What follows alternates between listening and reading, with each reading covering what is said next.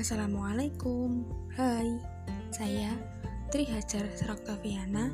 Di sini saya akan menyampaikan mengenai demokrasi. Secara etimologi, demokrasi berasal dari bahasa Yunani demos yang artinya rakyat atau penduduk suatu tempat.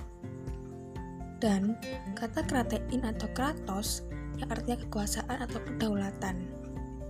Jadi, demos kratein atau demos kratos adalah kekuasaan atau kedaulatan rakyat, kekuasaan tertinggi berada dalam keputusan rakyat, pemerintahan rakyat, dan kekuasaan oleh rakyat. Sedangkan secara terminologi, demokrasi adalah suatu sistem pemerintahan yang selalu melibatkan warga negaranya dalam pengambilan keputusan pemerintahan yang sangat penting dalam rangka kemajuan negara ke depannya.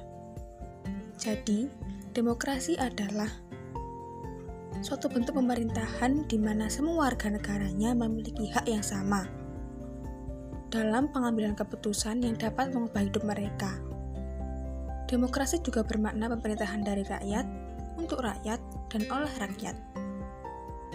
Demokrasi sendiri dapat dilakukan dalam kehidupan sehari-hari, seperti pemilihan organisasi masyarakat melalui musyawarah, berusaha mengatasi masalah yang timbul dengan pemikiran yang jernih, mengikuti kegiatan yang diadakan oleh desa, bersama-sama memberikan usulan demi kemajuan masyarakat, dan lain-lain.